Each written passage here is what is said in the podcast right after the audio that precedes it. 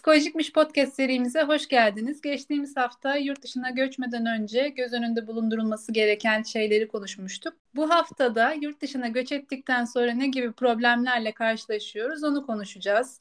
Aynı konunun devamı olarak. Merhaba Pınar. Merhaba Kevser, nasılsın? Teşekkür ederim. Ee, hemen sorularıma başlayacağım.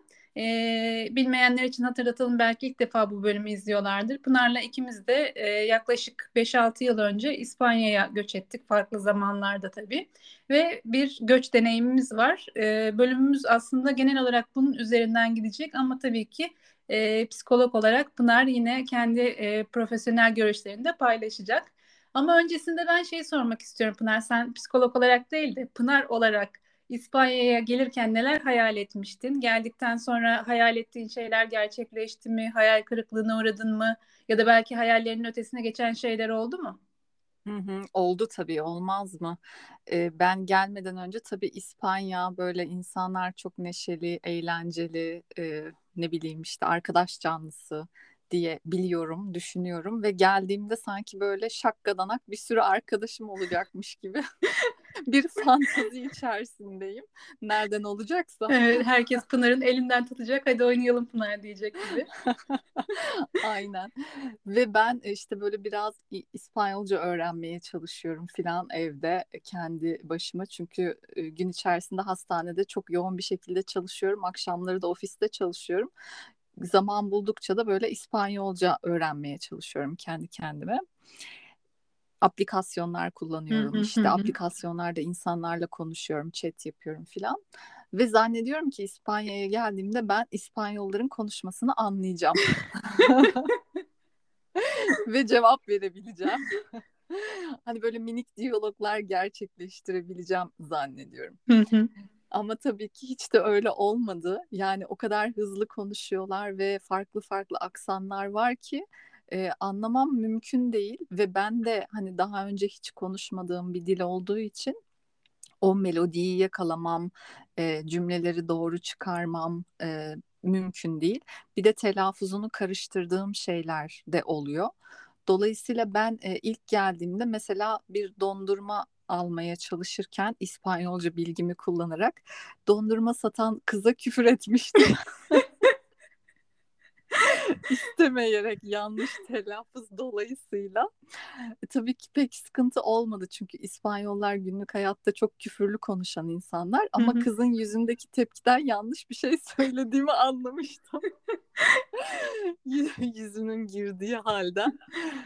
Ee, neyse yani neticede hani böyle parklarda filan dolaşırken özellikle yaşlılar, emekliler laf atmaya çalışıyor, konuşmaya çalışıyor. Evet sıcak Hı-hı. insanlar ama gel gelelim e, dili o kadar iyi bilmiyorum yani. O e, günlük konuşmayı gerçekleştirecek düzeye gelmek için bile böyle bir adanmış şekilde birkaç ay kursa devam etmek lazım. Hı hı. Ve benim öyle bir zamanım yok çünkü zaten hamile olarak gelmiştim ve geldikten hı hı. hemen bir buçuk ay sonra bebeğim dünyaya geldi.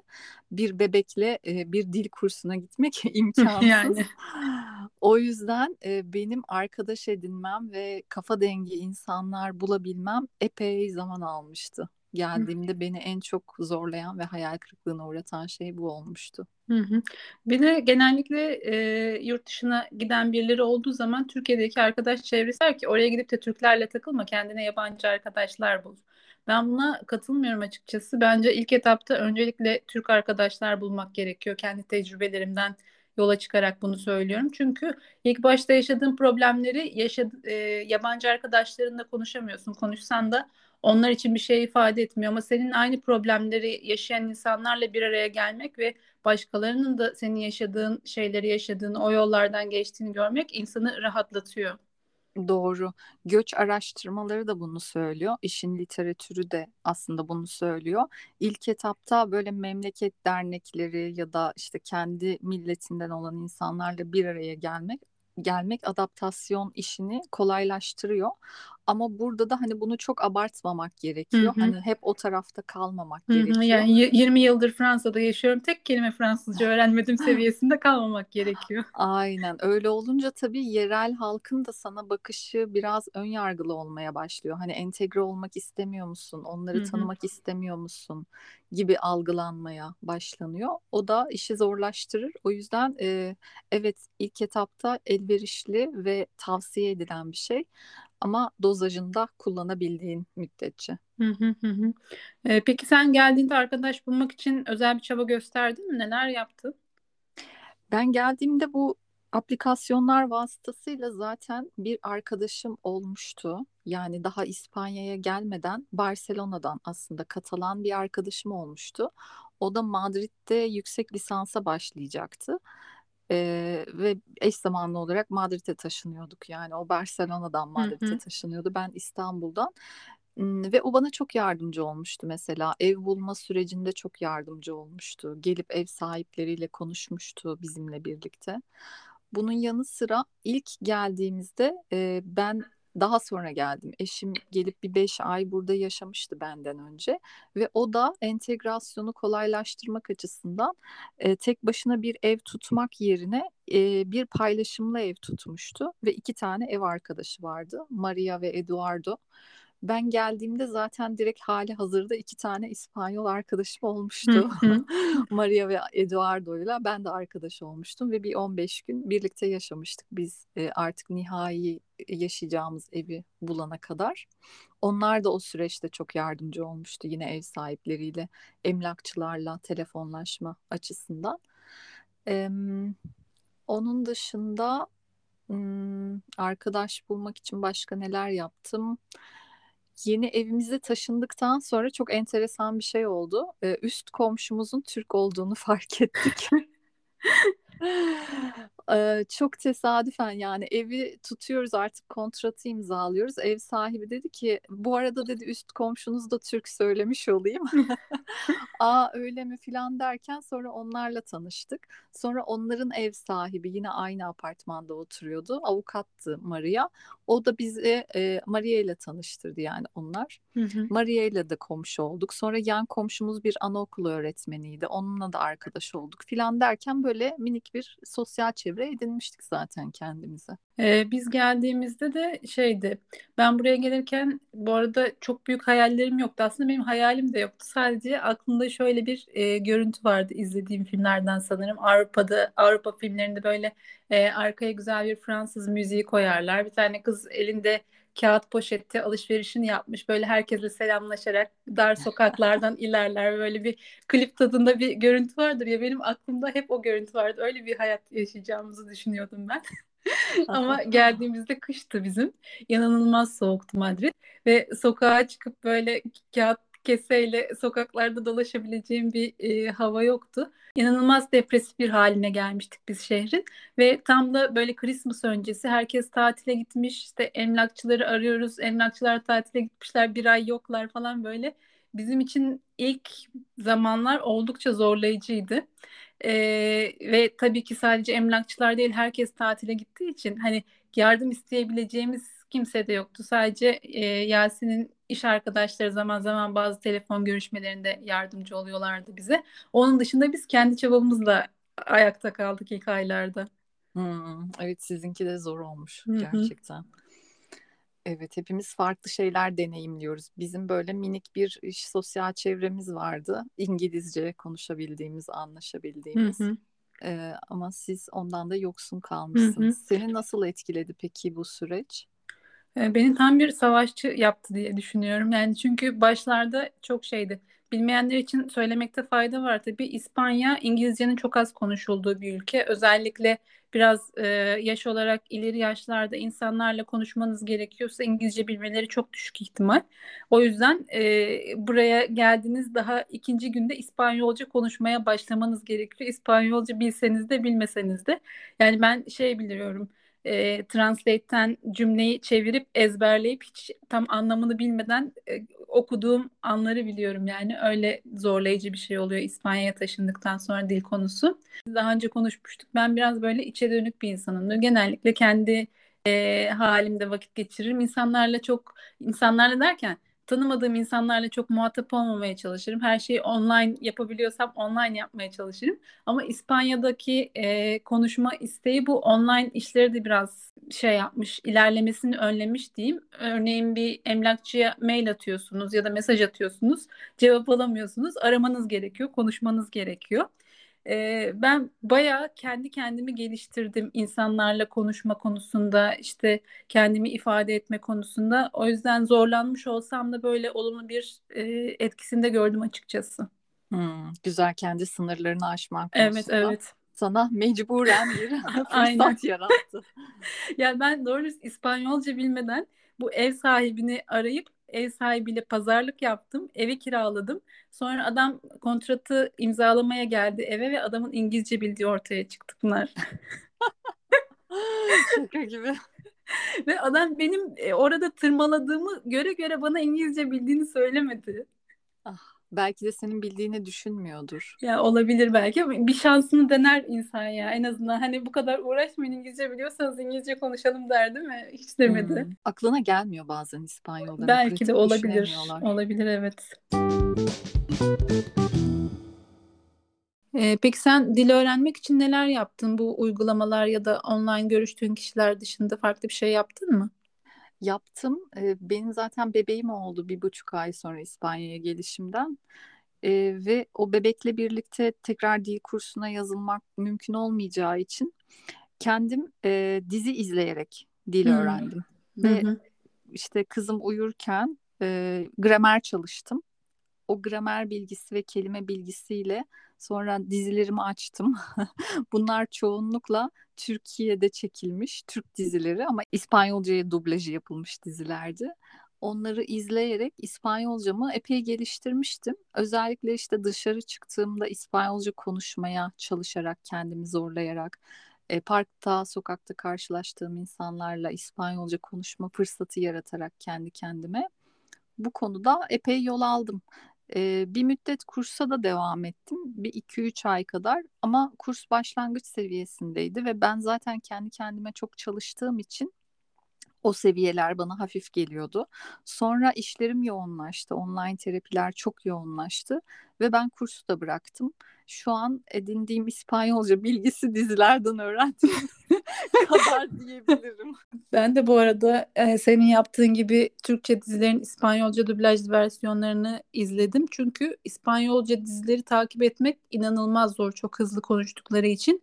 Ve takip edemediğini görünce moralin bozuluyor ve motivasyonun düşüyor. O yüzden daha yavaş konuşulan dizileri, filmleri İspanyolca dublajla izlemek daha kolay oluyor ya da en azından konusunu da bildiğin için daha kolay anlayabiliyorsun. O yüzden onun ben de faydasını gördüm açıkçası. Hı hı. Evet konusunu biliyor olmak çok büyük avantaj. Hı hı. Ee, hızlı konuşma meselesine ben şöyle çözüm bulmuştum Kevser. Bir de İspanyol dizisi vardı çok sevdiğim çünkü. Ee, Aquí no hay quien viva diye bir dizi var. E, buranın böyle şey bizimkiler dizisi vardı ya Türkiye'de. Onun gibi bir şey yani bir apartmanda geçiyor. Apartman sakinlerinin birbiriyle etkileşimleri. Bir de kapıcı var. Kapıcının herkesle olan diyalogları falan çok keyifli bir dizi. Ben onu e, YouTube'da şeye alarak ha, daha yavaşlatarak yavaş moda alarak izliyorum. Ben onu Netflix'te başlamıştım. Gerçekten normal diğer İspanyolca içeriklere göre daha anlaşılabilir bir e, konuşma üslubu olsa da yine de hızlı konuşuyorlar. Onda bile kaçırdığın şeyler oluyor yani. Hmm, doğru evet. Tabii bir de kültürel farklılıklar da var. Bazı Mutlaka. esprileri anlamıyorsun filan. Ama yine de hani İspanyol dizilerine maruz kalmak da ya da hani hangi ülkede yaşıyorsanız o tür içeriklere maruz kalmak da çok faydalı. Hani dil öğrenmenin yanı sıra kültürel bilgiyi arttırmak açısından. Beni hayal kırıklığına uğratan şeylerden biri de yine bu ev meselesi açılmışken onu da söyleyeyim içimde kalmasın. Şimdi bize İstanbul'da e, geçen bölümde anlatmıştım nasıl teklif geldiğini. Hiç beklemediğimiz bir anda e, Madrid'e kalıcı iş sözleşmesi geldi eşime. Ve teklif gelirken insan kaynakları bölümünden işte görüşen kişinin söylediği şey E, buradaki standartlarınız neyse yani İspa, e, İstanbul'da nasıl bir hayatınız varsa orada da bu hayatı sekteye uğratmadan, standartlarınızı düşürmeden yaşayabileceğiniz bir paket sunuyoruz size şeklinde bir teklif Hı hı. e, sunuyorlar. Ve içinde işte belli bir miktarda kira e, diye hani kira gideri diye bir kalem var yani bir miktar sana oradaki kiranı evini tutabilmen için kiranı ödeyebilmen için maaşın içerisinde bir şey sunuyor miktar sunuyor. E, ve o miktarla biz İstanbul'daki hani e, oturduğumuz semtin muadili olan Madrid'deki semtlere baktığımızda oralarda yaşanamayacağını Belki bir oda tutabilirsiniz. Aynen ya da bir artı bir minnacık bir yer tutmak mümkün ama İstanbul'daki gibi böyle işte giyinme odanın olduğu, yatak odanın geniş olduğu, salonun Hı-hı. geniş olduğu, mutfağının kocaman olduğu bir yer e, bulmak mümkün değil yani. O rakamların belki iki katını vermek gerekiyor. E, dolayısıyla hayal kırıklığına uğradığımız şeylerden biri de bu olmuştu. E, İstanbul'daki standartlarımızı düşürmek zorunda olduğumuzu fark ettiğimiz an gerçekten bir hayal kırıklığıydı. Hı hı. Bu arada bizim burada bir arkadaşımız vardı. Gelmeden önce onlarla hep konuşuyorduk işte bizi neler beklediğini dair. Onlar bu konuda bizi uyarmışlardı zaten kendi evleri de şeydi e, bir artı bir evde yaşıyorlardı. Evlerini gösterdiler. Bakın dediler hani çok büyük evler yok burada. Hani bu belki çok standart bir ev değil. Biz sadece iki kişi olduğumuz için böyle küçük bir evde yaşıyoruz ama hani daha iyisi de çok iyi değil gibi bizi uyarmışlardı. O yüzden o konularda biz hiç beklentiye girmemiştik açıkçası. Hatta ilk buraya geldiğimizde tuttuğumuz ev içi yeni yapılıydı. Böyle inanılmaz güzeldi. Tamam şeydi giriş kattaydı. Çok iyi ışık almıyordu. Eksileri vardı. Ama İspanya standartlarına göre iyi bir evde yaşıyorduk ve onun farkında olarak yaşıyorduk ve ayrıca tabii şey oluyordu eve gelen İspanyollar aa ne kadar güzel ev diye sürekli evimizi övüyorlardı. ne güzel. Bir de yemek konusu var. Farklı bir ülkeye taşınınca yemeklere alışmak, oranın damak tadına alışmak, yemek saatlerine alışmak. Evet. Bu konuda neler yaşadın sen? Bizim açıkçası yemek saatlerine alışmamız çok zor oldu. Çünkü dışarıda yemek yemeyi tercih ettiğimiz zamanlarda dışarı çıkıyoruz, bir restoranın önüne gidiyoruz ve bakıyoruz aa kapalı, kapalı. ya da sadece içecek veriyorlar. İşte kusura bakmayın şu an mutfak kapalı. Beşte açılacak ya da sekiz şey e, pardon e, 2'de açılacak ya da 8'de açılacak gibi böyle saat verip bizi gönderiyorlardı. Hı hı, aynı şeyleri biz de yaşadık. Hatta hala yaşıyoruz. Yani bir restorana gideceğim mesela birisi bir restoran tavsiye etmiş. Bakıyorum çalışma saatlerine akşam 9'da açılıyor. Yani akşam 9'da ben yemeğimi yemiş sindirmiş çayımı içmiş artık yatmaya hazırlanıyor oluyorum. 9'da ben yemeğe gidemem. O yüzden gitmek isteyip de gidemediğim pek çok restoran var Madrid'de. Hatta bir kısmı kapandı. Zaten gitme ihtimalim de ortadan kalktı. E, bunun yanı sıra aslında şey de değişik, bazı malzemeler de değişik burada. Sadece dışarıda yemek değil, evde yemek yapma alışkanlığının da biraz değişmesi gerekiyor. E, özellikle bazı malzemeleri bulamamak ya da iyi muadilini bulamamak çok zorlayıcı olabiliyor. Sen yaşadın mı bununla ilgili bir şey? E, ben çok mutfakta vakit geçirmeyi seven bir insan değilim biliyorsun. Hı hı. O yüzden yani ne varsa onu kullanarak bir şeyler yapıp karın doyurmaca. Hani güzel bir yemek yemek istediğimde de bunu dışarıda yapmaca şeklinde bir tercihim var. Hı hı. O yüzden hani ay şunu bulamadım şu yemeğim de istediğim gibi olmadı gibi bir şeyden bahsedemeyeceğim. ama eminim senin çok vardır böyle. Var var olmaz olur mu? Ben bunları çok yaşadım ama bunlar beni hiç e, şey yapmadı. Oturup da bundan şikayet edecek e, hale getirmedi. Yine ev konusunda da olduğu gibi ya yani dil konusunda da olduğu gibi daha doğrusu beni savaşçı haline getirdi. Ben bunu da yaparım. Madem bu yok ben kendim evde yapayım. Şunu da yapayım diye böyle benim artık evde yapamadığım hiçbir şey yok. Burada bulamadığım şeyleri de burada yapmaya çalışıyorum. Bir tek tabii ki bazı işte e, vişne gibi ya da kök kereviz gibi bazı meyve sebzeler bulunamıyor. Onlar sıkıntı yaratabiliyor. Onu da şey oluyor bazen. Mesela ben e, Fransa'ya tatile gidip dönüşte kök kereviz alıp getirdiğimi bilirim. Onu da bir şekilde yine mücadeleyle elde ediyorum. Güzel. Benim şey oldu. Mesela burada yediğim ve Türkiye'ye gittiğim zamanlarda özlediğim şeyler oldu. Ne gibi mesela? Ee, mesela rabo de toro diye bir yemekleri var ya gerçekten çok güzel. Ben evet. çok seviyorum. İyi, iyi yapıldığında inanılmaz bir lezzet gerçekten de. Evet. E, paella aynı şekilde güzel yapıldığında hakikaten çok lezzetli ve besleyici bir yemek. Onu özlüyorum Türkiye'ye gittiğimde. Ee, şu işte domatesli ekmek kahvaltısı onu çok seviyorum ben ve Türkiye'de her, herhangi bir e, kahvaltı mekanında öyle bir şey bulman mümkün Yok değil. mümkün değil. Evet. Evde yapman gerekiyor. Benim tam tersi yani. İspanya'da çok sevip Türkiye'de bulamadığım şeyler oluyor. Sen yemek konusunda epey kolay adapte olmuşsun ama tabii bunun şeyle de alakası olabilir. Yemek benim işim olduğu için benim bulmam lazım bazı malzemeleri. Bulamazsam istediğim yemek tarifini paylaşamam mesela. Benim öyle bir işime de olumsuz etkisi oldu. Tabii ki olumlu etkileri de oldu. Yeni yemeklerle tanıştım.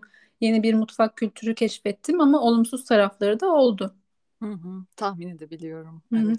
Bu arada e, şey olur genelde İspanya, Akdeniz ülkesi, ha, Türkiye'de olan her şey İspanya'da vardır. Aynı şeyleri yiyorlar zaten falan gibi bir algısı var Türkiye'deki insanların. Asla öyle değil. Birbirinden çok farklı yemek kültürleri.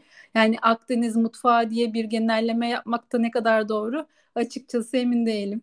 Hı hı. Evet evet farklı damak tatları ve e, İspanyollar çok fazla zeytinyağı kullanıyorlar mesela. Hı hı. Hatta kızartmaları bile zeytinyağıyla yapıyorlar. Evet. O yüzden Türkiye'de yediğin kızartmayla burada yediğin kızartmanın arasında bile lezzet farkı oluyor. hı hı hı. Biz Almanya'daki arkadaşlarımızı ziyarete giderken buradan zeytinyağı götürüyorduk. Çok makbule geçiyordu. Kesin, kesinlikle biz Türkiye'ye de götürüyoruz bu arada buradan. Evet. E, tabii biz şimdi İspanya yine tabii ki şikayet edilebilecek noktaları var da e, Kuzey Avrupa ülkelerine göre yine çok zengin bir ülke. Pek çok sebzeyi, meyveyi uygun fiyata ve bol bol bulabiliyorsun. Yani Kuzey Avrupa'da yaşayan insanların daha fazla problem yaşadığını düşünüyorum bu konuda ben. Sebze meyve fiyatları özellikle İskandinav ülkelerinde çok yüksek. Evet o konuda şikayetleri ben de duyuyorum danışanlarımdan. Bir de oralardaki güneş görme süresi de düşük olduğu için zaten sebze meyve yetiştirmek pek mümkün değil. Hı hı. Dışarıdan geliyor oraya ve dolayısıyla fiyatlar da yüksek oluyor. Hı hı. Hatta kalitesi de düşük oluyor sanırım. Çünkü benim bir arkadaşım yarı zamanlı İngiltere'de, yarı zamanlı İspanya'da yaşıyor. İngiltere'deki domateslere domates demiyor. Fırsat buldukça buradan İngiltere'ye giderken yanında domates falan götürüyor. Hmm, ha, güzel, enteresan. Hı hı hı hı. Böyle sıkıntılar yaşanabiliyor. İşte aslında e, bunların da dahil olduğu konularla ilgili ilk etapta özellikle taşındığında e, Türklerle konuşmak, özellikle orada birkaç yıldır yaşayan Türklerle arkadaş olmak, en azından birkaç tane sağlam arkadaş bulmak, onların tecrübelerinden faydalanmak oldukça önemli. Çünkü bulamadığın bir sebzeyi belki sen bulamıyorsun. Bir yerde yani çok yaygın olmasa da bir yerde var ve sen onu bilmiyorsun. Onu arkadaşından öğrenebiliyorsun. Mesela bunlar küçük şeyler gibi olsa da insanın hayatını kolaylaştıran şeyler. Evet, oraya bir süredir adapte olmuş e, Türkler bulmak güzel bir fikir bence de. Birçok konuda yani aklına gelmeyen başka birçok konuda ya da bulmakta zorlandığın başka birçok sorunun çözümüyle ilgili destek alabiliyorsun. Ve aslında şey oluyor yani hani biz diyoruz ya Türk arkadaşlar bulun ya da başkaları diyor yabancı arkadaşlar bulun. Yabancı arkadaş bulmak kadar Türk arkadaş bulmak da zor oluyor. Yani e, arkadaşın olacak insanda belli şeyler arıyorsun. En azından bir kafanın uyuşabileceği, oturduğun zaman sohbet edebileceğin bir insan olmasını istiyorsun. Bu da genellikle aşağı yukarı aynı eğitim seviyesinde olduğunu ya da seninle benzer koşullarda yetişmiş insanlar olduğu zaman daha kolay oluyor. Bu tür insanları bulmak oldukça zor oluyor. Yani internet olsa dahi zor olabiliyor. Evet evet. Yani birçok insan mesela normalde arkadaşlık yapmayacağı insanlarla arkadaşlık yapmak zorunda Hı hı. kalıyor. Çok yalnız kaldığı için Hı yurt hı. dışındayken. O da ilişkilerde bir tatminsizlik getiriyor ya da kalabalıklar içerisindeyim ama yine de kendimi yalnız hissediyorum. Anlaşılmıyor hissediyorum gibi durumlar ortaya çıkarıyor. Hı hı. Yani sosyal etkileşimde neden bulunursun ki? Hani güzel vakit geçirmek için Tabii ki. aslında. Ama e, o güzel vakit geçirmek için yaptığın şey bir noktada eziyet haline geldiğinde e, seni aslında toksik bir şekilde tüketmeye başlıyor. Hı Bu konuda da çok şikayet duyuyorum ben danışanlarımdan. E, yani böyle hani gerçekten o sosyal ortamı toksik bir ortam ama onun dışına çıktığı vakitte yalnız kalıyor. O yüzden yapacak bir şey yok diyor. Hani mecburen gidiyorum yoksa kendimi çok yalnız hissedeceğim. Yalnızlıkla başa çıkamıyorum. Hı hı. O yüzden o toksik ortamdan zehirlenmeye devam ediyorum. Hı hı. E, diyen ve bu konuda çözüm bulamayan birçok insan var. Hı hı. Benim aklıma böyle şeylerle ilgili e, şöyle bir fikir geliyor. Yani sokağa çıkıp Türk arkadaş bulman mümkün değil kendine. Yine interneti kullanacaksın bir şekilde. E, Facebook sayfaları var. Türklerin buluştuğu işte İspanya'da yaşayan Türkler ya da işte Almanya için Almanya'da yaşayan Türkler vardır muhakkak. Her ülke için vardır. Oralara yazılabilir belki ama yine dediğimiz şeye geliyor. Seninle aynı e, kafa yapısına sahip bir insan bulmak oldukça zor. O yüzden biraz da şey olmak lazım aslında. Seninle aynı ilgi alanına sahip insanların olduğu ortamları bulman lazım. Bu nasıl olur bilmiyorum. Yani online etkinlikler olabilir. Senin yaptığın gibi e, atölye çalışmaları olabilir. Çünkü senin atölye çalışmalarına katılanların çoğu sanıyorum yurt dışından yanılıyor muyum? evet evet yurt dışından neredeyse. e, tamamı diyebilirim. Öyle ortamlar olabilir mesela yani çünkü oraya katılan insanların şikayetleri aynı işte belki mutlu oldukları şey aynı ilgi alanları aynı oralarda en azından çok yakın arkadaş olamasan bile seninle benzer problemlere sahip insanlarla dertleşebilirsin. Bu çok Hı-hı. büyük bir şey. Doğru. Farkındalık düzeyi önemli aslında. Hani e, farkındalık düzeyi denk olduğu vakit, bilinç düzeyi denk olduğu vakit çok güzel paylaşımlar yapabiliyorsun ve yaptığın paylaşımlarda anlaşıldığını hissedebiliyorsun. Hı hı. Bir şeye dokunduğunu ya da sana dokunulduğunu hissediyorsun. Farkındalık düzeyleri ya da bilinç düzeyleri farklı olduğunda aynı eğitim durumuna sahip olmuş olsan bile o insanla e, bir yavan geliyor ya da yüzeysel hı hı. geliyor kurduğun hı hı. etkileşimler. Bu Hı-hı. önemli diye düşünüyorum. Çok fazla insanla tanışmak önemli bence. Yani evet. yüzlerce kişiyle tanış ama onların içerisinden belki 10 tane arkadaşım diyebileceğin insan çıkacak Hı-hı. ve belki o 10 kişinin içinden de bir iki tane yakın arkadaşım diyebileceğin insan çıkacak. O yüzden hani bir etkinliğe gideceğim ve üç tane arkadaş yapacağım gibi bir beklentin olmasın. Bir etkinliğe gideceğim ve bir sürü insanla tanışacağım, bir sürü insana merhaba diyeceğim Hı-hı. ve onları anlamaya çalışacağım gibi bir beklentiyle gitmek çok daha yerinde olur. Evet evet kesinlikle ve her konuştuğun insanla arkadaş olmak zorundasın, görüşmeye devam etmek zorundasın diye bir şey değil. O, gerekirse bir kere görüşürsün, baktın kafan uymuyor, bir daha görüşmek zorunda da değilsin. Hı hı. Kesinlikle evet yani karşı taraftan talep gelse bile kendini zorlayarak ay ayıp olmasın filan diyerek böyle bir çaba içinde olmak doğru yerlere götürmeyecektir. Hı hı, kesinlikle. Bu konuda da rahat olmak gerekiyor diye düşünüyorum. Evet. E, çünkü sosyalleşmek niçin var? Aslında kaliteli vakit geçirmek Hı-hı. için ve kendini iyi hissetmek için var. Bu amaçla yaptığın bir şey seni aşağı çekiyorsa orada bir dur demek lazım. Hı hı. Ben Türkiye'deyken bu arada bu hatayı çok fazla yapmıştım. Türkiye'de görüşmekten keyif almadığım halde görüştüğüm insanlar vardı ve buraya gelirken kendime koyduğum belki de tek hedef oraya gittiğim zaman yeni bir hayata başlıyorum ve arkadaşlarımı çok sık eleyerek seçeceğim ve görüşmek istemediğim insanlarla görüşmeye devam etmeyeceğim şeklinde bir hedef belirlemiştim kendime ve bunu da yaptım.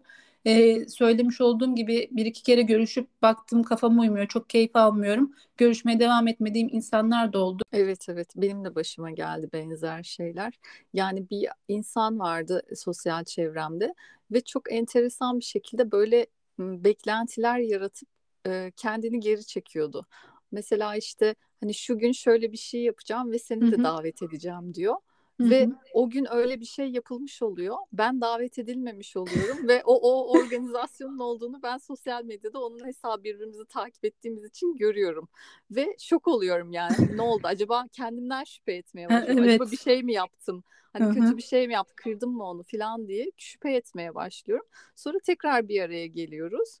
E, yani bu arada her hafta görüşüyorduk çünkü çocuklarımız aynı etkinliğe gidiyorlardı. Hı hı. E, tekrar o hafta sonu tekrar görüşüyoruz ve bakıyorum ki hiçbir şey yok, hiçbir sorun yok. Aynı sıcaklıkta davranıyor bana. Hatta daha da iyi bile davranıyor. Sonra işte üstünden birkaç hafta geçiyor ve ay işte şöyle bir şey yapacağım seni de çağıracağım diyor.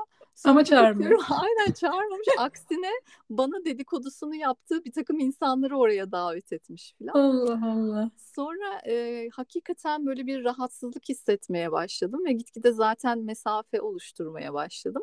Sonra şey dikkatimi çekmeye başladı. Böyle bir takım organizasyonlarda karşılaşıyoruz Hı. ve o daha çok böyle e, böyle statüsü yüksek insanlarla birlikte Hmm. oluyor ve beni görmemiş gibi yapıyor gördüğü Hmm. halde. Şimdi anlaşıldı sebebi. Sonra e, mesaj atıyor. Aa işte o gün e, seni gördüm ama selam veremedim kusura bakma. İşte şöyle şöyle böyle böyle. İşte benim hayatımla ilgili bilgi edinmeye çalışıyor. Müthiş rahatsızlık veren bir durumdu. Evet evet çok Ve kötü. e, yani böyle bir insanın hayatımda olmaması gerektiğine karar verdim. Hı. Tabii benim de böyle bir şey ya da hatta senin de böyle bir şey yapabilmeni e, yapabilmemizi sağlayan şey seçeneklerimizin olmasıydı. Belki başka arkadaşlarımız olmasaydı bu kötü ya da bize keyif vermeyen arkadaşlıkları devam ettirmek zorunda kalacaktık. Evet ya da belki de benim içten içe kendimle ilgili bir değersizlik algım olsaydı bu insanın bana değersiz hissettiriyor olmasını sahiplenecektim, benimseyecektim ve onu hayatımdan çıkaramayacaktım.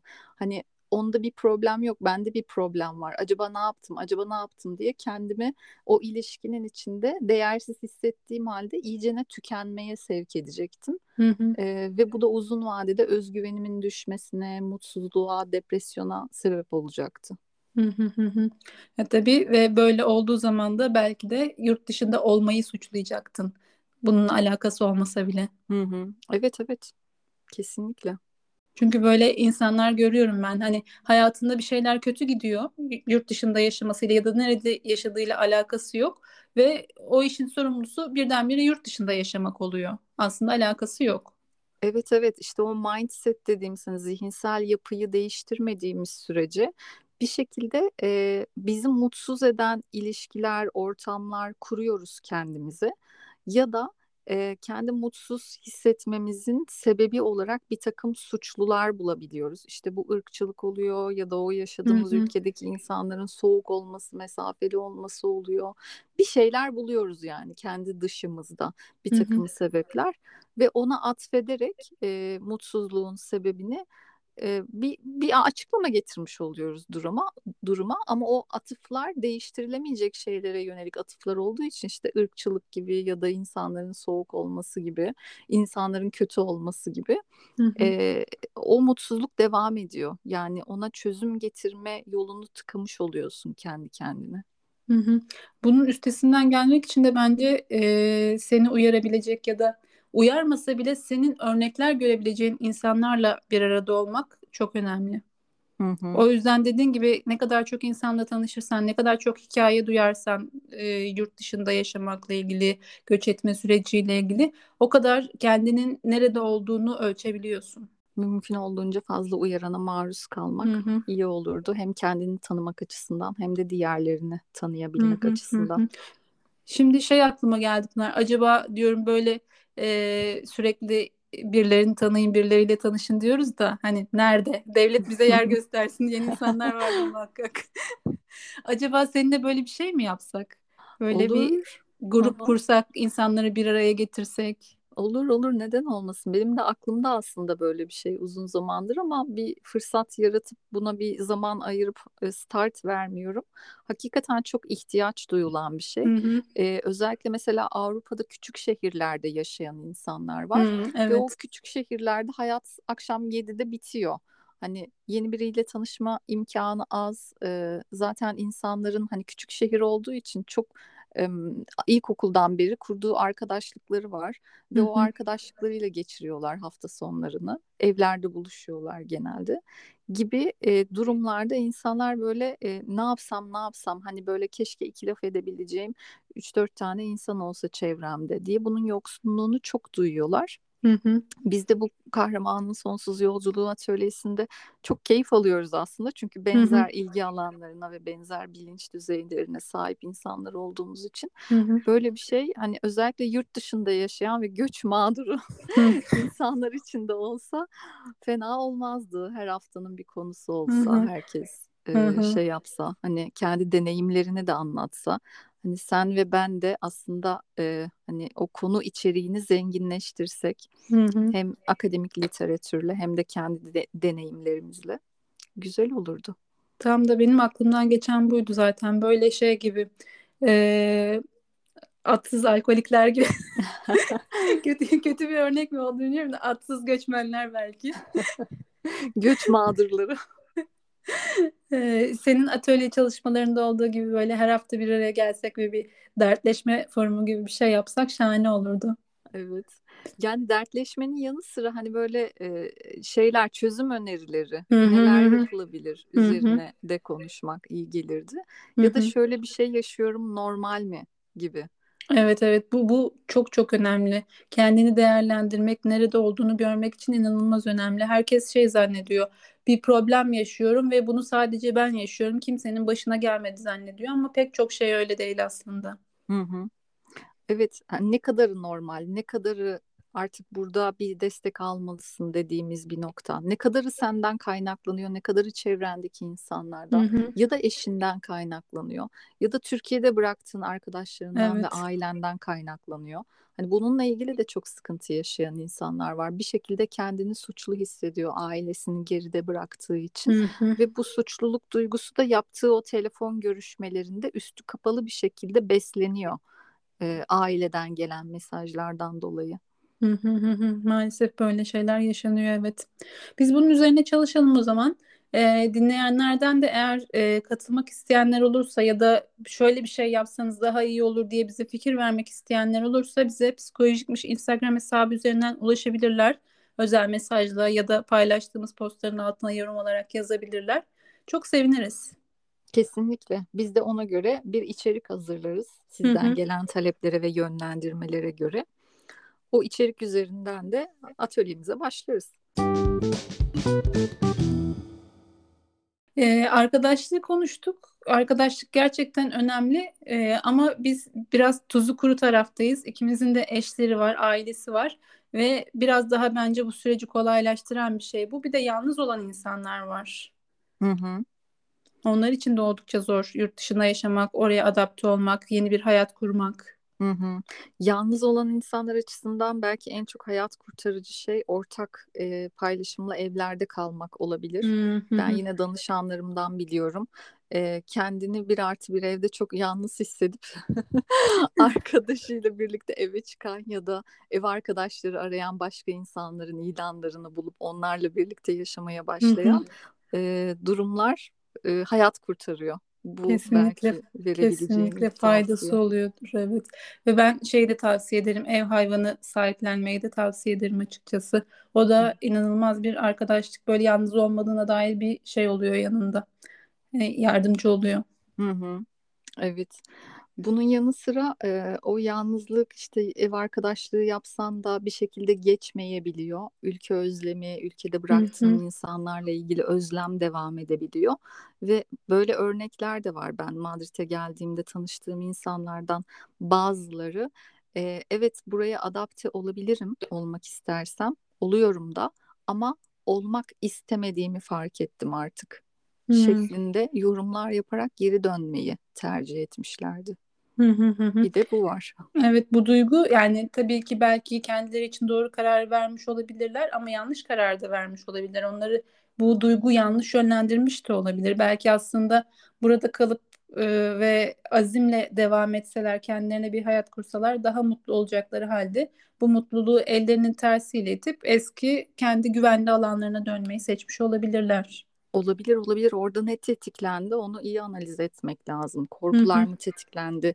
Bizim yetim arketipi dediğimiz kendini yetim, öksüz hissetmek böyle hani onunla ilgilenecek, ona şefkat gösterecek, güvende hissettirecek birilerinin olmaması mı onu tetikledi? Bunları güzel analiz etmek lazım. Hı hı. Bu duyguyu yanlış yönlendirebilir dedim. Aklıma bir şey geldi. Hatta geçen bölümde e, bir sonraki bölümde bir şey anlatacağım demiştim. Onu da anlatayım ben. E, geçtiğimiz günlerde eşimin eski iş yerinden bir arkadaşıyla buluştuk. E, üç yıldır yanlış hatırlamıyorsam Madrid'de yaşıyor o da. Hı hı. Ama onun öncesinde de yine ailesinden ayrı bir ülkede yaşıyormuş. Aslen Moğolistanlı. Öncesinde bir süre Japonya'da yaşamış, bir süre Kore'de yaşamış. Şimdi Madrid'de yaşıyor. Yaklaşık 7-8 yıldır ailesinden ayrı ve yalnız. Ee, bu yaklaşık 2-3 ay önce Moğolistan'a gitmişti ailesini ziyaret etmek için. Oradayken bir kızla tanışmış ve e, sevgili olmuşlar. Bize Hı hı. onu anlatıyor. Çok feci aşık olmuş. Tamam bunu anlayabiliyorum ama şey diyor. Ekim'de tekrar görmeye gideceğim kızı. Ee, evlensem geldiğim zaman vize işlemi olarak ne yapmam gerekebilir? Yani e, şeyde Moğolistan'da yaklaşık iki hafta falan görüşmüşler. Şu an internet üzerinden görüşmeye devam ediyorlar. Ve toplam üç aylık ilişkilerinin sonunda evlenmeyi planlıyor çocuk. Evet, enteresan hikayeler. Ben geldiğimde de e, şey duymuştum. Dil kursuna giden bir arkadaşımdan. Onun sınıf arkadaşı Japon bir kız varmış. E, eşiyle ortak konuştukları hiçbir dil yok. Eşi İspanyol, İngilizce bilmiyor. Kendisi Japon, e, Japonca ve İngilizce konuşuyor. Eşiyle ortak konuştukları hiçbir dil yok ama evlenmişler. Nasıl? Nasıl tanışmışlar, anlaşmışlar peki? Hiçbir fikrim yok yani. Bir şekilde tanışmışlar, kanları kaynamış herhalde. İnanılmaz. Çok da şey yapmamak lazım deyip evlenmişler yani. Yani peki, peki ne, ne, ne kadar süredir evliler? Hala evliler mi? E, bilmiyorum yani bu olay ben bu olayı duyalı 4 sene geçti ama sonra bununla ilgili herhangi başka bir bilgiye ulaşamadım. Sadece Evet. böyle enteresan bir şey duymuştum. Yani ben e- böyle erken yapılan evliliklerin genellikle boşanmayla sonuçlandığını duyduğum için yani şey yapamıyorum. Ona e, destek veremiyorum açıkçası. Bu çocuğa da söyledik yani hani tamam çok seviyorsun, aşıksın belli her halinden belli kızdan bahsederken çocuğun gözlerinden kalpler çıkıyor da sebebi sadece o değil yani altını şey yaptığın zaman e, biraz eşelediğin zaman çocuğun yalnızlık duygusundan kaynaklandığını da görebiliyorsun bunu. Hı hı. Şöyle bir şey söyledi mesela çocuk işte hani o kadar yalnızım ki hayatımda hayalini kurduğum işi aldığımı öğrendim. Eve geldim ve sarılabileceğim kimse yoktu. Tek başıma çekyatın üzerine oturdum dedi çocuk. Yani bu inanılmaz gerçekten acıklı bir durum. Doğru, doğru evet oradaki yalnızlık işte yetimlik duygusu tetiklenmiş orada. E tabii ki o ilk etapta da aşk zannettiğimiz duygular başka belki hangi çocukluk yaralarımızın tatlı tatlı Hmm. kaşınması olabiliyor. Karşımızdaki insana neleri atfediyoruz, neleri yansıtıyoruz, hangi ideal tarafımızı yansıtıyoruz da ona aşık oluyoruz. Hı hı. Bunlar değerlendirilmesi gereken şeyler ve en az hani bir, bir yıllık bir ilişkinin içerisinde az çok e, farkına varmaya başlayabileceğimiz şeyler oluyor. O Hı hı. ilişkinin en başında uçuşan duygular varken zaten bunları görmüyorsun, düşünmüyorsun Hı bile. E, o yüzden bakalım umarım güzel gider evliliği eğer İnşallah yani yaşlı yaşlı konuşmak da istemiyorum ama çocuk 26 yaşında kız 22 yaşında üniversiteden yeni mezun olmuş. Yani yaşları da çok küçük. Benim hı. için bayağı şey böyle yapmayın çocuğum demek istediğim bir durum. Ya olsun evlensinler olmadı boşanırlar ne olacak? Dünyanın Yani orası öyle değil. ama genellikle böyle şey e, boşanmak ilişkiyi bitirmekten çok daha yara verici bir şey oluyor. Aileler araya giriyor, daha fazla üzüntü çıkıyor.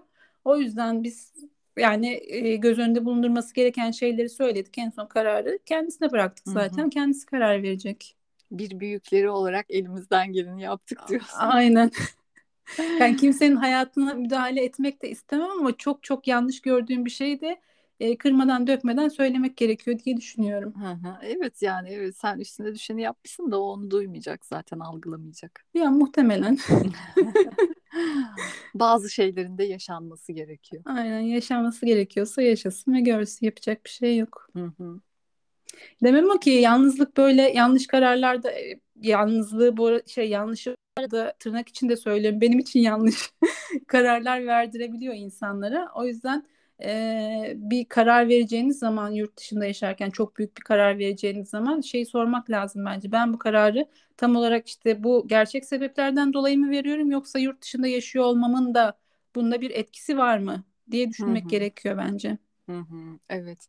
Yani bu geri dönmeye karar vermek olabilir ya da Hı çok hı. zorlandığın halde geri dönmemeye karar vermek olabilir. Hı hı. İşte birisiyle sevgili olmak, evlenmek olabilir. Ee, Türkiye'de kalan eski sevgilin sana ulaştı ve Evet. seninle birlikte olmak istiyor diye ona evet demek olabilir. Hani birçok şey olabilir Evet burada. evet. Ya da işte gittiğin ülkede biriyle tanışıp çok toksik bir ilişki olduğu Hmm. halde sana sağladığı bir takım avantajlar ve yalnızlık duygunu hafiflettiği için o ilişkinin içinde kalmaya devam etmek olabilir. Keyif almadığın arkadaşlıklara devam etmek olabilir. Aynen öyle. Evet yani şey örnekleri de çok duyuyorum. Mesela işte Erasmus'ta tanışıp e, sonra onun peşinden geliyor. Ama bir noktadan sonra e, karşı taraf işte nasılsa bana mecbur, ondan sonra burada Hmm. benim sayemde kalıyor gibi bir düşünceye kapılıp eziyet etmeye başlıyor. Hı Hani o gaslighting dediğimiz şeyi hı. uygulamaya başlıyor. O da işin içinden çıkılmaz bir noktaya götürüyor insanları. Evet maalesef böyle şeyler de yaşanabiliyor. O yüzden gelin bizim e, danışma grubumuza katılın. Daha şey yapmadan reklamını yapayım uygulamaya geçmeden. aynen. Bakalım ne zaman start vereceğiz. Heyecanla bekliyorum. Evet beni de heyecanlandırdı bu düşünce. Peki Kevser, başka bir soru. Hı hı. Türkiye'de olsa şöyle şöyle bir şey yapamazdım ama burada yaptım ya da yapabildim dediğin bir şey geliyor mu aklına? Hmm. Geliyor aslında. Birincisi e, kedi sahiplenmek. Türkiye'de de biz çok sahiplenmek istiyorduk ama bir türlü cesaret edemiyorduk. O efendim perdelerimizi tırmalarsa, koltuğumuza bir şey yaparsa, işte tüy olursa misafir geliyor eve onlar laf ederse falan böyle saçma sapan bir sürü e, ön yargılarımız vardı. Buraya geldikten sonra sokaklarda kedi göremeyince inanılmaz eksikliğini hissettik. Biz çünkü ikimiz de çok seviyoruz kedileri. Ve bir süre sonra kedimiz olması lazım kafasına geldik ve kedi sahiplendik. Bence çok olumlu şekilde katkısı oldu bizim hayatımıza. Çok inanılmaz bir şey çünkü bir hayvanla o duygusal bağı kurmak. Türkiye'de olsa bundan mahrum kalırdık diye düşünüyorum. Hmm, güzel. Başka? Başta da söylemiş olduğum gibi şey var benim kendim insanlarla iletişim konusunda epey kendimi aştım buraya geldikten sonra. Normalde şey yaparım genelde ya başkasına devrederim sen hallet bu işi derim ya da yazışarak mesajlaşarak yapabileceğim bir şeyse o şekilde yaparım. Online sipariş veririm falan gibi genelde e, çözerdim işlerimi. Ama buraya geldikten sonra gerçekten insanlarla konuşmak zorunda olduğunu görünce artık konuşarak çözebiliyorum her şeyi. E, beni açtı diyebilirim. Hmm, hmm, güzel. Hı hı. Ee, sonra çok değişik insanlarla tanıştım. Mesela normalde Türkiye'de yaşasam tanışmayacağım insanlarla tanıştım. Bunların başında sen geliyorsun. Türkiye'de olsak hayatta yollarımız kesişmeyecekti mesela bizim. Evet. O Farklı yüzden şehirlerde yaşıyorduk bir kere. evet evet evet. Yani senin yanı sıra bir sürü çok güzel arkadaşlıklar edindim burada. Sonra ilk taşındığımızda ilk kiraladığımız evin sahibi buranın ünlü bir oyuncusu mesela. Normalde o insanla benim hayatta yollarım kesişmez yani. Şeyde e, spora gitmeye başladım. Spor salonunda bir eğitmenle tanıştık. İşte nerelisin falan diye konuşurken Türk olduğumu öğrenince inanılmaz sevindi. Aa dedi ben de Türkiye'de yaşadım bir süre dedi. E, abim orada futbolcuydu falan dedi. Yani ben aslında baştan bunu ciddiye almadım. Herhalde dedim böyle altyapıda falan mı oynadı? Yani karşıma öyle bir insan niye çıksın? Kafamda oturmadı hakim falan dedim. Adını söyledi. İyi tamam ben de çok futboldan anlamıyorum falan dedim. Geçiştirdim konuyu. Eve geldim baktım şeymiş. Delgado'nun kardeşiyle tanışmışım. Delgado da zamanında Beşiktaş'ın kaptanlığını yapmış çok çok ünlü bir futbolcuymuş. İşte dedim Türkiye'de yaşıyor olsam nereden karşıma çıksın böyle bir insanda tanışayım yani. Evet çok ilginçmiş hakikaten. Benim böyle bir şey başıma gelmedi. Yani Türkiye'de olsam şöyle bir insanla karşılaşamazdım. Burada karşılaştım dediğim. Yani burada resepsiyonlarda, Cumhuriyet resepsiyonlarında e, işte üst düzey devlet yöneticileriyle karşılaşıyoruz, tanışıyoruz. hı hı hı. O var ama onun dışında e, şey oldu. Ben e, kendi mesleğim dışında başka meslekler de yapabilir miyim acaba diye burada düşündüm ve farklı sektörlerden iş görüşmeleri yaptım mesela. Hı O hı. bir farklılıktı benim için. Yani e, işte ne bileyim e, kendi mesleğim dışında hani yeni bir şey yapmak için kendime fırsat verdim. En azından bunun düşüncesiyle haşır neşir olmaya başladım ve Hı bir hı. takım girişimler yaptım. Hı Bu çok hı. farklı bir şeydi. Çünkü ben Evet. mesleğini zaten hani aşkla yapan ve çok küçük yaştan beri psikolog olmak isteyen bir insanken böyle bir ülke değişikliğiyle birlikte aa hadi bir de şunu deneyeyim gibi bir e, zihin açıklığı oluştu bende. Ve e, bir de şey yaptım. Evet o da enteresan. Havacılık yönetimi bölümüne yazıldım. Hatta bir yıl okudum. Daha neler öğreneceğim Pınar senin hakkında acaba? Evet hatta bir yıl havacılık yönetimi okudum. Birinci sınıfı geçtim falan. Bayağı da iyiydi notlarım. Ama sonra kendi işlerim ağır bastı. Tabii ki bir şey terapi beni çağırdı. Ve onlar budandı böyle teker teker hayatımdan. İş görüşmelerine gitmeyi bıraktım, başvuru yapmayı bıraktım filan. Tamamen online terapist olarak devam ettim hayatıma. Ama bunlar güzel bir şeyler. Kendi farklı yönlerini de keşfetmiş oluyorsun böylece. Hı hı. Yani o şeyin dışına çıkabilmek güzel. Hani ben buyumun dışına çıkabilmek güzel. Hani böyle konuşuyoruz ya atölyede de herkesin bir personası var. Yani bir vitrini var. Kendini hı hı. özdeşleştirdiği ve dışarıya gösterdiği bir yüzü var. Ve onunla çok özdeşleştiğinde persona şişmesi dediğimiz bir şey oluşuyor. Hani sen ondan ibaretmiş gibi olmaya başlıyorsun. Hı hı. Hani uzun yıllar aynı mesleği icra edip sonra emekli olmuş olan insanlarda çok karşılaşırız bununla. Hani o meslek bitmiştir onun için. Mesleki hayat bitmiştir ama o o, o rolden çıkamamıştır. Hı-hı. Yani o hala hakimdir, o hala evet. savcıdır, Ap- o hala apa- polistir. Apartman zilinde hala avukat bilmem kim yazar mesela. Evet, hani mantalite olarak da çıkamamıştır. Günlük hayatını da o şekilde yönetiyordur ve zihinsel yapı olarak da hayata hep o gözlüklerle bakıyordur. Ee, bu çok sağlıklı bir şey değil. O yüzden bu formattan çıkıp başka da neler olabilirim diye düşünebilmek benim için bir farklılıktı. Hı hı. Ama tabii sonra hayat farklı şekilde gelişti ve yine beni terapist olarak tutmaya karar verdi diyelim evren. Ama ben bunu da çok olumlu görüyorum çünkü sen e, buraya ait olduğunu çok daha net bir şekilde biliyorsun şu anda. Hı hı. Aynen öyle çok doğru. Yani farklı olasılıklar da var ve mümkünü deneyimledikten sonra hı hı. tekrar geri dönmek bambaşka bir şey. Kesinlikle. Böyle de olumlu bir tarafı oluyor yurt dışında yaşamanın diyorum. Ki toparlayalım arada, yavaş yavaş. Evet kesinlikle toparlayalım çünkü epey uzattık. Ee, uzun bir bölüm olacak sanıyorum ama çok güzel yine bir konuşma oldu. Çok teşekkür ederim sana. Ben teşekkür ederim. Güzel bir sohbet oldu benim Hı-hı. için de. Nostalji oldu biraz evet. eski yılları hatırlamak. o zaman yeni bölümlerde görüşmek üzere. Bu arada Psikolojikmiş Instagram hesabımızı takip etmeyi unutmayın. Yine aynı şekilde Psikolojikmiş isimli bir de TikTok hesabımız var. Oradan da takip edebilirsiniz. Evet, bizi takip edin. Sonraki bölümlerde görüşmek üzere. Hoşçakalın. Güle güle.